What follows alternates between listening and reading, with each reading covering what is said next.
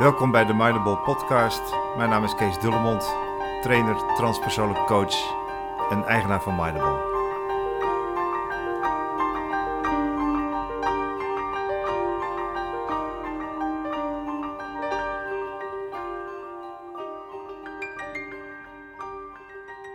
Tijdens de vorige podcast heb ik het gehad over het belang van taal en de relatie tussen taal en denken. Ehm, ik heb eigenlijk nog wel een leuk voorbeeld als het gaat over taal en de kracht en de macht van taal. Ehm, stel je het volgende eens voor. Hè? Misschien kun je je ogen even dicht doen. En je kent vast wel die Napoleonzuurtjes. Dat zijn die, die gele ballen. Uh, in, zo'n doorzichtig plakkerig papiertje. En uh, stel je voor dat ik die aan jou geef. Hè? Ik geef jou zo'n snoepje. En uh, je mag hem ook meteen opeten, dus je gaat het openmaken.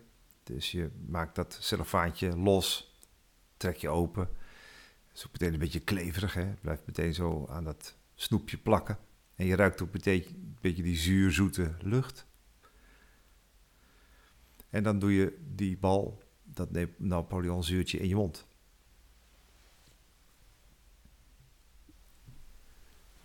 En uh, nou, je speelt er een beetje mee uh, in je mond. Hè, dus je proeft het al wat. En je geeft ook eens een flinke beet op dat snoepje, zodat het kapot kraakt in je mond. En dan komen al die smaakstoffen komen vrij. Het is echt een explosie van zoete en zure smaak komt er in je mond. En dat vermengt zich dan met uh, je speeksel. En uh, dan ga je het verder kapot malen en kapot kouwen, zodat je het uh, verder kan wegslikken. Dan vraag ik je om, het is einde oefening hoor. Uh, dan vraag ik je om je ogen weer eens open te doen en eens uh, bij jezelf na te gaan wat er nou precies gebeurde. En de kans is toch vrij groot dat, uh, dat je bij deze oefening wat extra speeksel begon te produceren, of misschien zo'n prikkelend gevoel in je kaken uh, voelde.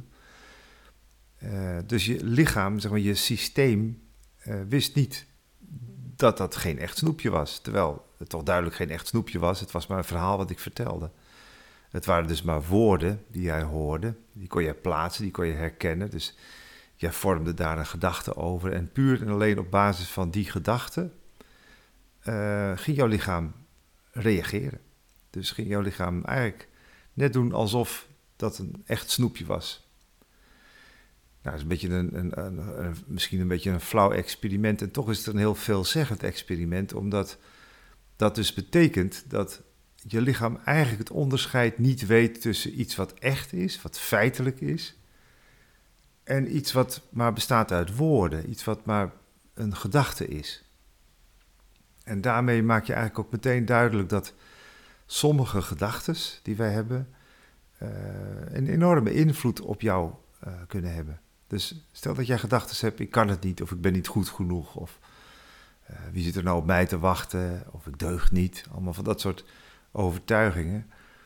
Dan kan je nog zo denken van, oh, het is maar een gedachte. Uh, maar tegelijkertijd zal jouw lichaam, jouw hele systeem reageren alsof dat waar is. Dus wij zijn heel erg geneigd om gedachten, zeker negatieve gedachten, om die als waar aan te nemen. En in plaats van het produceren dan van wat onschuldig speeksel in je mond, gaat jouw lichaam reageren alsof er gevaar is. Dus zal uh, cortisol en adrenaline hormonen produceren, die komen in je bloed.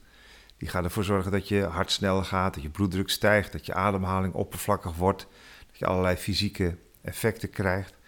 Die ervoor zorgen dat jij klaar bent om uh, het eventuele gevaar uh, het hoofd te kunnen bieden. En als we daar, eh, als dat af en toe is gebeurd, is het niet zo'n punt. Maar als wij door onze gedachten, door onze bedreigende gedachten, heel veel in zo'n staat van uh, alarm verkeren, dan kun je ook wel nagaan dat dat schade oplevert. Dat weten we ook. Dus als jij heel lang in zo'n gevaarsituatie zit, ook al is die niet echt, maar uh, is dat iets wat je vanuit je gedachten produceert, uh, dan ga je heel langzaam schade berokkenen aan je lichaam. Stress, burn-out, we zien het, we kennen het zelf of we zien het veel om ons heen. En dat is, nou ja, dat is toch schade die we niet moeten onderschatten. Mensen die eenmaal een burn-out gehad hebben, weten we ook dat die ja, bijna definitieve schade hebben in hun uh, systeem. Dus vandaar dat het ontzettend belangrijk is om daar toch op de een of andere manier mee om te leren gaan met onze ingewikkelde en moeilijke gedachten. Nou, er zijn een boel methodes voor om daar mee om te gaan. Nou, dit wou ik ook even kwijt aan jou. Dankjewel.